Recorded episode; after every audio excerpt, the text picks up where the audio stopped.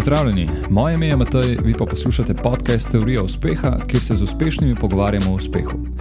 Preko intervjujev razkrivamo, kaj posameznikom predstavlja uspeh, in se pogovarjamo o navadah in strategijah, ki so jim pomagale na njihovi poti do uspeha. Vsak drugi teden pa objavljam tudi krajše, petminutne solo epizode, kjer z vami delim svoje monologe, nasvete oziroma moje filozofiranje iz naslonjača. Evo, snema se 15. epizoda podcasta Teorija uspeha in verjetno je počasi čas, da povem nekaj več o samem nastanku tega podcasta. In se hkrati tudi zahvaljujem vsem, ki poslušate ta podcast. Eh, se sta, zadnji, se sta se zadnji dve uh, intervju epizodi dejansko zelo dobro rangirali na Apple podcastu, za kar sem zares, zares hvaležen.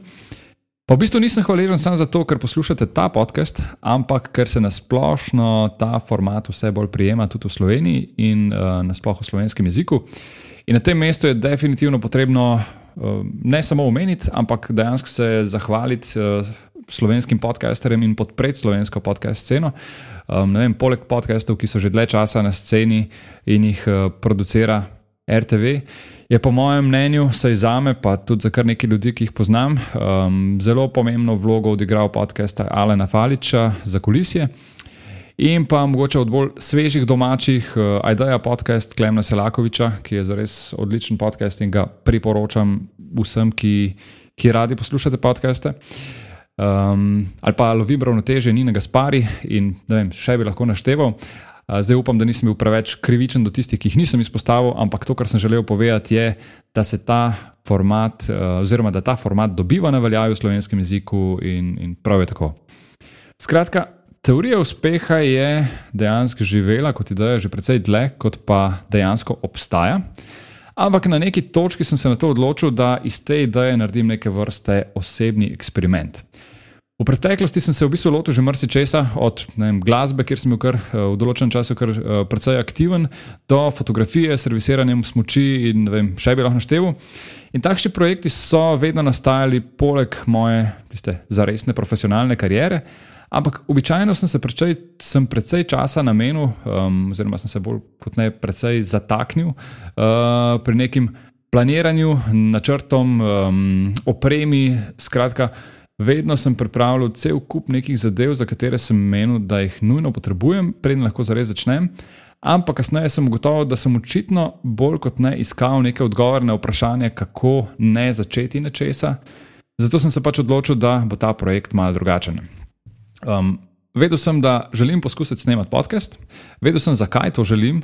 Um, preveril sem, kaj potrebujem, da lahko začnem, in na to sem pač začel snemati podcast.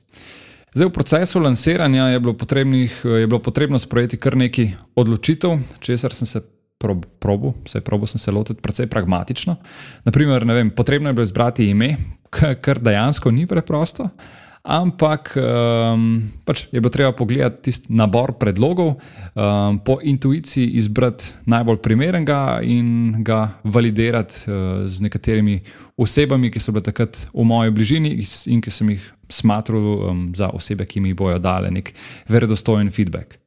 Um, Vem, ko sem se naprimer zapletel pri izdelavi spletne strani, predvsem pri vsebini, sem jo pač pustil v primeru in nikoli več pogledal, in namesto tega sem zbral nek, um, sem v bistvu objavil nek page, ki se je avtomatsko samo od sebe generiral na mojem podcast hostu, in sem se nehal ukvarjati s tem do nadaljnega. Um, ko sem bil v dilemi, kako napisati, oziroma kako poslati prvo vabilo, zdaj to je bilo res predolgo, uh, na predolgo napisano, ampak nima veze. Um, takrat sem pač napisal, prebral, stisnil sent in počakal na odgovor, in to je bilo to. In, in v bistvu se je vse nekako začelo odvijati in graditi brez nekega hudega kompliciranja. Zdaj se vedno, se, seveda se vedno um, kaj zatakne, kakšni tehnični problemi, ali pa vedno je nekaj, da ne gre čisto gladko. Ampak bistvo je, da se drži neka konstanta, da se ustvarja, um, da se ustvarja z dobrim namenom in da se vem, ustvarja po nekih najboljših močeh. Skratka, če povzamem, sem zelo vesel, da na eni strani sam sebi dokazujem, da se da, čeprav brez nekih kompleksnih predpriprav, um, in pa pač, da se zavedam, da je projekt živ, da se uči, da raste. In na drugi strani sem vesel, da imam priložnost objavljati neke uporabne vsebine in uvide v življenja oseb, ki so meni zanimive ali pa ki jih jaz smatram za zanimive in jih povabim v ta podcast. Skratka, to je bilo to za danes. Um, uživajte. V poletju in lep pozdrav do prihodnič. Še ena zadeva, preden greš, oziroma dve zadevi, preden greš. Najprej res hvala za poslušanje podcasta. Če ti je bila epizoda všeč, te vabim poslušati ostalih epizod, tistih, ki so že objavljene in tistih, ki še bodo. Hkrati pa te prosim, da na svoji podcast platformi podaš oceno oziroma pustiš komentar ali pa mogoče še več, da deliš podcast s svojimi prijatelji oziroma osebami, za katere meniš, da bi jih utegnil zanimati. In mi tako pomagaš pri širjenju prepoznavnosti podcasta. Še enkrat hvala in se slišimo v prihodnji epizodi.